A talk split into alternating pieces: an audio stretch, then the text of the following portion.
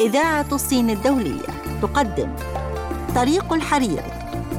برنامج إذاعي يمد جسور الصداقة والود بين الشعبين المصري والصيني.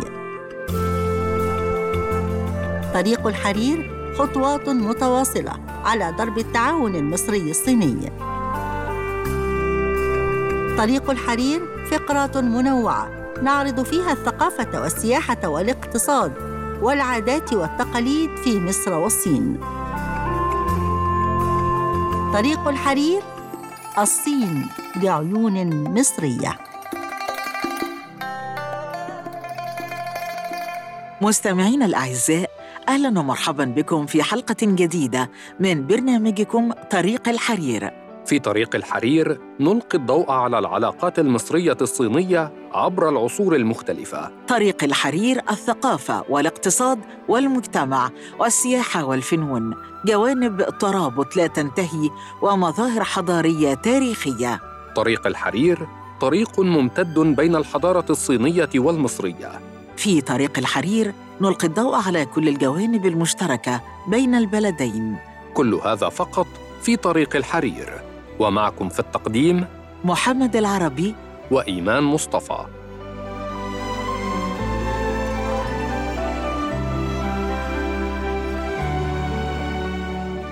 والآن أعزائي المستمعين مع فقرة الصين بعيون عربية والتي نتعرف من خلالها على كيفية نطق اللغة الصينية من خلال الاستماع إلى بعض الكلمات الصينية ومعرفة معنى تلك الكلمات.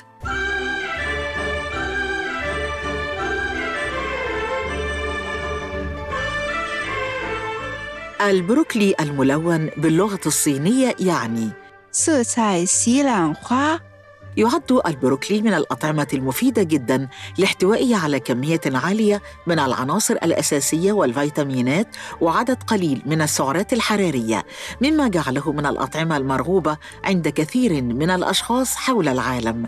وقد عرض قروي في قرية بمدينة تشوغي في مقاطعة تشينجياغ بشرقي الصين للسائحين البروكلي الملون مما اجتذب عددا من الناس لمشاهدته وقطفه ووجد هذا النوع من البروكلي اقبالا كبيرا في الأسواق المختلفة. مستمعينا الكرام وصلنا إلى ختام فقرتنا الصين بعيون عربية. فاصل قصير يعود بعده الزميل محمد العربي والفقرة التالية في برنامجكم طريق الحرير فابقوا معنا.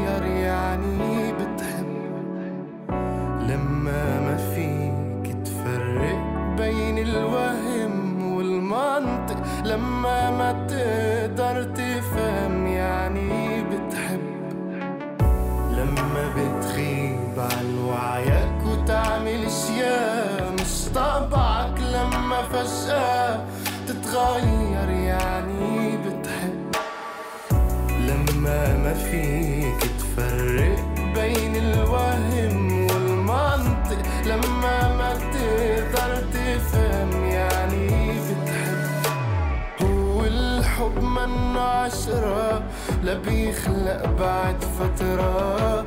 لما ما فيك تسيطر لحتى تعد للعشرة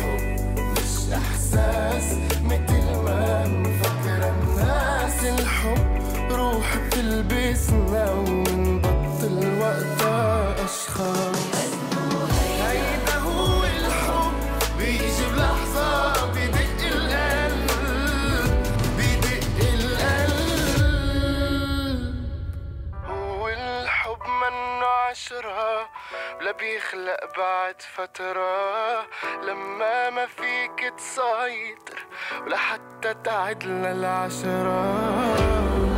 منه عشرة ولا بيخلق بعد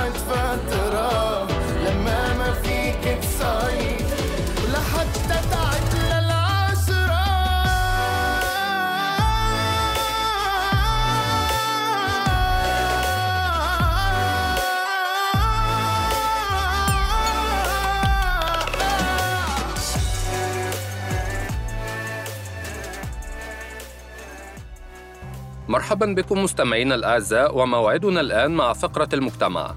واليوم نتحدث عن تجربة نجاح مدرب تزلج صيني. يعمل السيد لي لونغ لونغ البالغ من العمر 38 عاما مدربا للتزلج في منتجع التزلج السويسري الشهير فيربير. وقد مارس هذا العمل في سويسرا لمدة ثمان سنوات. ومن خلال تدريباته اليومية تفهم بعمق حب الشعب الصيني المتزايد للرياضات الشتوية. وتحدث هذا المدرب عن أربعة تغييرات واضحة وجدها شخصيا في مجال اهتمام الصينيين بالرياضة الشتوية وأمنياته الطيبة لدورة الألعاب الأولمبية الشتوية في بكين عام 2022 ويعتقد لي لونغ لونغ أن أكبر تغيير هو زيادة عدد المسافرين الصينيين إلى الخارج لممارسة رياضة التزلج. وعندما بدأ العمل في سويسرا عام 2013 كان من النادر رؤية الوجوه الصينية في مدن منتجعات التزلج.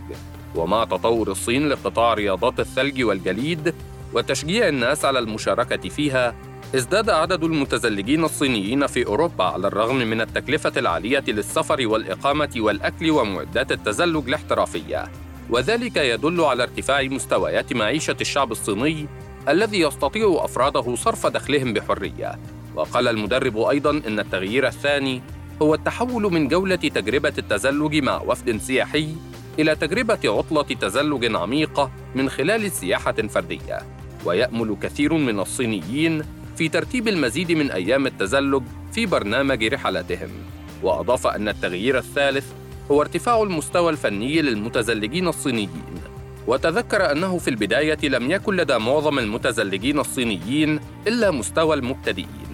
ولكن الآن اكتسبت أعداد متزايدة من الصينيين خبرة كبيرة في التزلج ويأتون خصيصا إلى أوروبا فقط لتجربة الجبال الكبيرة المغطاة بالثلوج. وبالنسبة إلى حديثه عن التغيير الرابع فقال لي لونغ لونغ إن سويسرا تولي اهتماما متزايدا لمشاريع التزلج الصينية مع استمرار زيادة عدد السياح الصينيين القادمين إلى سويسرا للتزلج استفاد السكان المحليون أيضا من سوق ضخمة للتزلج في الصين ويأمل بعضهم في المشاركة في ترويج رياضات الثلج والجليد في الصين والقيام ببعض التدريبات ذات الصلة لترويج هذه الرياضات. كما تعزز الحكومة المحلية أيضا من تعليم اللغة الصينية لمدربي التزلج المحليين من أجل تقديم خدمات أفضل للسياح الصينيين. وبالإضافة إلى ذلك تزايدت أعداد المطاعم الصينية في منتجعات التزلج حيث يستطيع السياح الصينيون التمتع بالتزلج وتذوق الطعام الصيني اللذيذ. وأكد لي لونغ لونغ رؤية منافسات عالية المستوى بين الرياضيين من مختلف الدول في أولمبياد بكين الشتوي. وفي الوقت نفسه يأمل أيضا في أن تصبح الرياضات على الثلج والجليد خيارا لمزيد من الصينيين.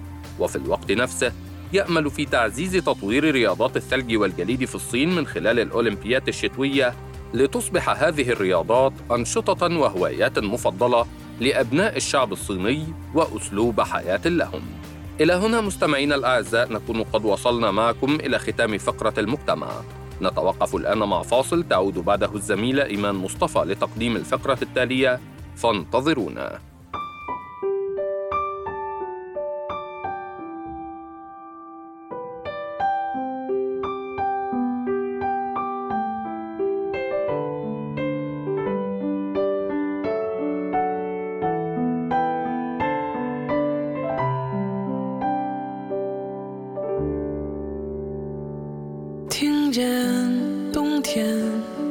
离开，我在某年某月醒过来。我想，我等，我期待，未来却不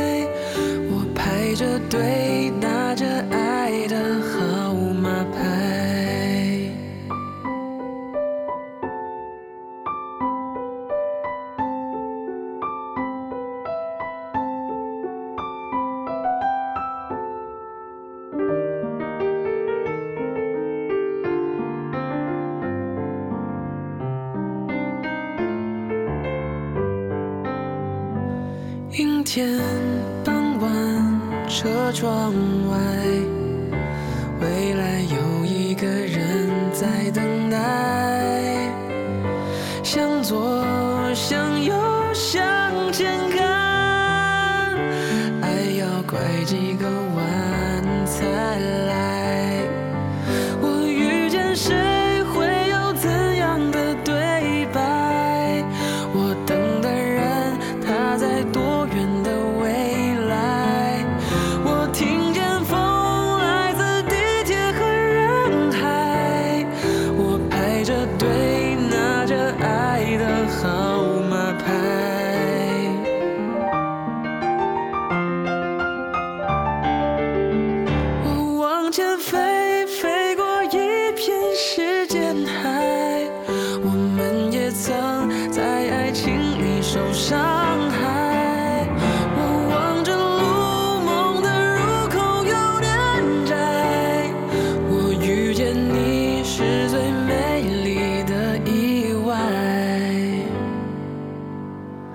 总有一天，我的谜底会解开。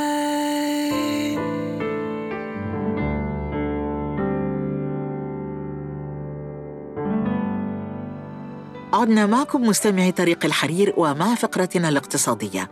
واليوم نتحدث عن 30% زيادة في إنتاج مصر من المنتجات البترولية خلال ست سنوات. كشف معالي وزير البترول والثروة المعدنية المهندس طارق الملا عن زيادة إنتاج مصر من المنتجات البترولية بنسبة 30% خلال الفترة من عام 2014 حتى عام 2020 وذلك نتيجة استراتيجية وزارة البترول في تشجيع البحث والتنقيب وتحقيق المزج بين الطاقة الجديدة والمتجددة والطاقة التقليدية. مضيفا في هذا الصدد أن الوزارة تخطط للحد من استخدام الكربون من خلال التفاعل مع مبادرات الشركاء العالميين بجانب التعاون مع القطاع الخاص والشركات الدولية للتوجه نحو إنتاج الهيدروجين. وتزامنا مع استضافة مصر للقمة العالمية للمناخ كوب 27 بشرم الشيخ. وأضاف طارق الملا أن استراتيجية وزارة البترول تضمنت زيادة الاعتماد على الطاقة الصديقة للبيئة وفي سبيل ذلك أطلقت مبادرة رئاسية لزيادة الاعتماد على الغاز الطبيعي الذي شهد زيادة كبيرة كوقود نظيف وصديق للبيئة في المنازل والسيارات والتي شهدت إقبالا كبيرا خلال السنوات الماضية. وأشار إلى أن مصر تعمل فعليا من خلال الاستراتيجية الوطنية لمواجهة تغير المناخ والحد من الانبعاثات 2050 على العديد من المبادرات المتميزة والداعمة لعملية خفض الانبعاثات في مجال الطاقة وذلك من خلال التوسع في استخدامات الغاز الطبيعي كوقود واستمرار دوره المهم كمصدر طاقة منخفض الانبعاثات خلال فترة التحول وكذلك مشروعات تحسين كفاءة الطاقة. وأشار طارق الملا إلى التعاون القائم مع دول وشركات عالمية بهدف تبادل الآراء والوصول لخطط من شأنها المساهمة في خفض الانبعاثات الكربونية من خلال الاعتماد على الهيدروجين الأخضر إلا أن التكنولوجيا ما تزال مرتفعة الثمن والسوق ليس جاهزاً بشكل كاف له. كما تطرق طارق الملا إلى دور منتدى غاز شرق المتوسط الذي كانت مصر سباقة في إنشائه منذ ثلاث سنوات مشيرا إلى أن المنتدى أطلق مؤخرا مبادرتين لاستخدام الغاز المسال كوقود للسفن واستخدام الغاز الطبيعي كجزء من خطط خفض الانبعاثات. حيث اتفقنا سويا كدول منفردة وداخل المنتدى على أن مواجهة التغير المناخي وتوفير مصادر طاقة نظيفة أصبح ضرورة وأشار الوزير للتعاون مع الولايات المتحدة في مجال الطاقة ومبادرات الطاقة النظيفة ومقررات قمة جلاسكو للمناخ لافتا أن هناك العديد من كبرى الشركات تعمل في مصر ولا سيما في ظل الفرص المتنوعة واستعداد الشركات المصرية للشراكة معتبرا أن الوصول ل zero carbon سيأخذ وقتا طويلا. مستمعينا الأعزاء وصلنا إلى ختام فقرتنا الاقتصاد فاصل قصير يعود بعده الزميل محمد العربي. والفقره التالية في برنامجكم طريق الحرير فابقوا معنا.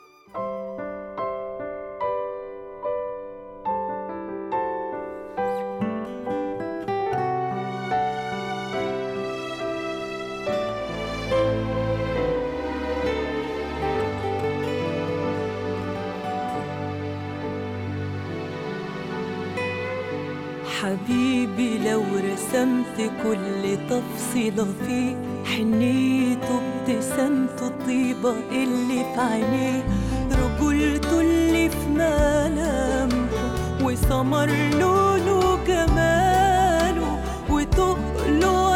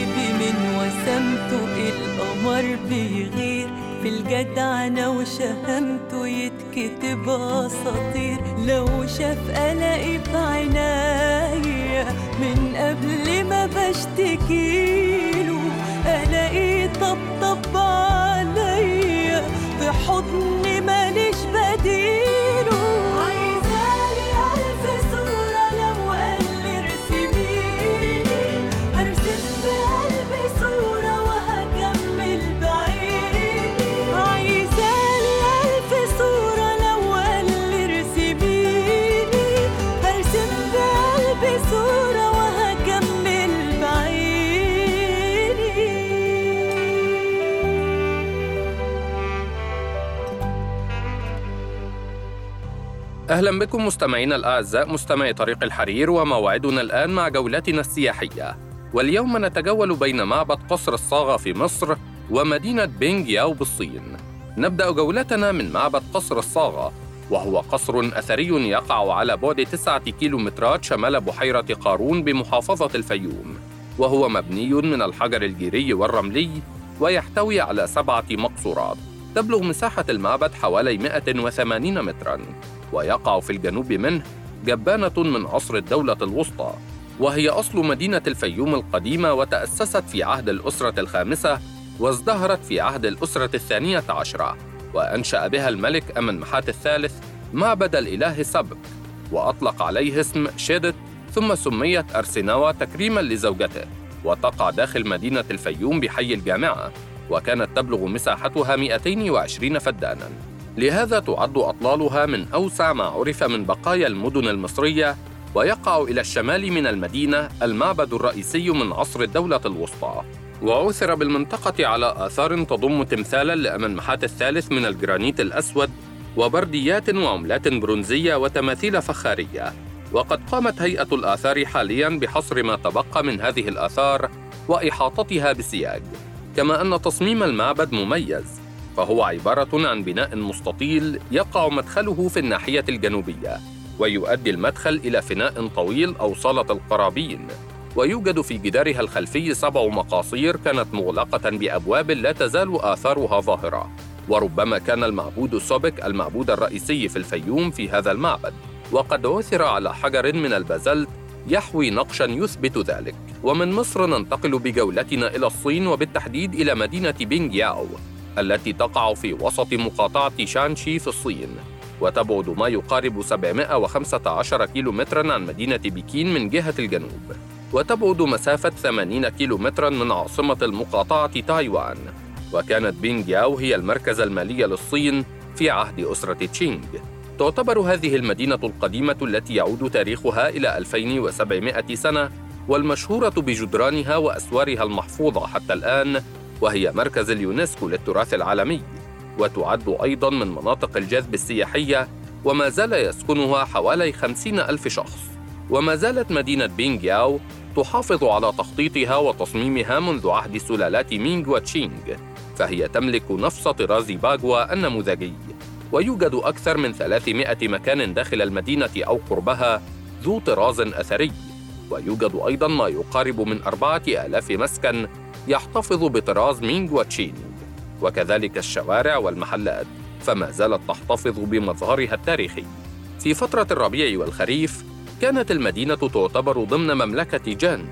أما في فترة الدول المتحاربة فكانت جزءاً من مملكة تشاو وكانت تعرف باسم بينغياو في عهد أسرة تشين. أما في عهد أسرة هان فكانت تسمى بمقاطعة تشونغ دو وفي عام 1986 اعتبر شعب جمهورية الصين بينغياو أحد المدن التاريخية والتراثية. وفي عام 1997 أصبحت مركزاً للتراث العالمي والتي تشمل معبد زينغيو ومعبد شوانلينغ البعيدان عن المركز. إلى هنا مستمعينا الأعزاء نكون قد وصلنا معكم إلى ختام جولتنا السياحية. نتوقف الآن مع فاصل تعود بعده الزميلة إيمان مصطفى لتقديم الفقرة التالية. فانتظرونا.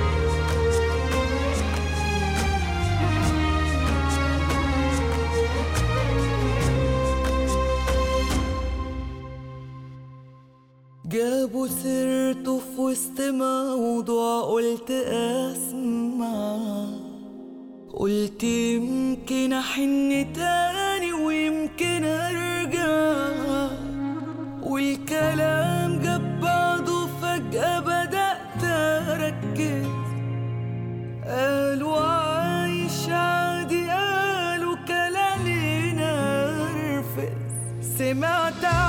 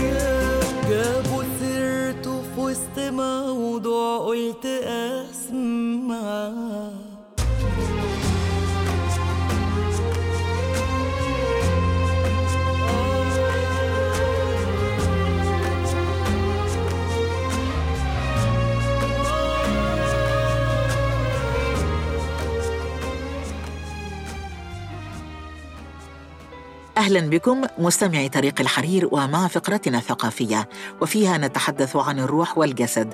رواية ترصد الثورة الشيوعية والاشتراكية في الصين. رواية الروح والجسد للكاتب الصيني تشان غيشيان ليانغ صدرت ترجمتها العربية عن بيت الحكمة للثقافة وتدور أحداثها في إطار اجتماعي حول انتقال الصين إلى الاشتراكية من خلال بطلها الذي ينتمي إلى عائلة برجوازية فيجبره الواقع على الاندماج في المجتمع بعماله والزواج منه. في رواية الروح والجسد يرى القارئ ملحمة إنسانية للشارع الصيني في أعقاب الثورة الشيوعية وتأسيس الجمهورية الشعبية وما طرأ على هذا المجتمع من تغيرات فكرية وثقافية.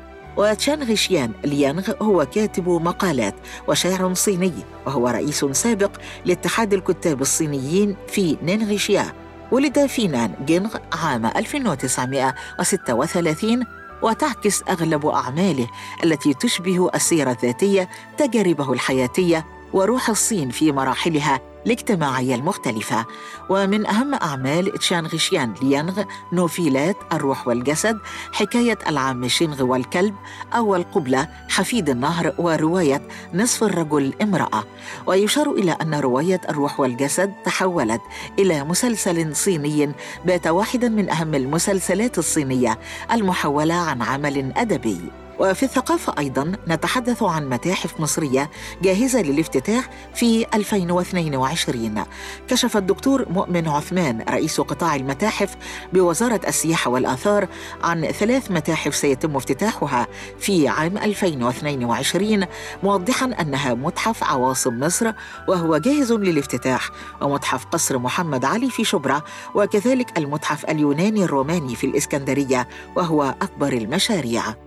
وأشار إلى أنه سيتم تطوير متاحف أخرى إقليمية مثل متحف الإسماعيلية ومتحف كوم أوشين في المنوفية ومتحف الجزيرة في أسوان فهو عام مليء بالافتتاحات والمشاريع الخاصة بالمتاحف. وعن المتحف اليوناني الروماني لفت إلى أنه في غاية الأهمية ومن المتاحف الكبرى والقومية في مصر ومن أول المتاحف التي بنيت في مصر عام 1892 ويرصد المتحف التاريخ المصري منذ دخول اليونان مصر من القرن الرابع إلى السادس قبل الميلاد وبه حوالي 60 ألف قطعة وسيتم عرض 20 ألف قطعة أثرية منها. وصلنا مستمعينا لنهاية فقرتنا الثقافية والتي نتمنى أن تكون نالت إعجابكم. وبهذا أعزائنا المستمعين نكون قد وصلنا معكم لنهاية حلقتنا اليوم من طريق الحرير والذي يأتيكم بالتعاون مع إذاعة الصين الدولية.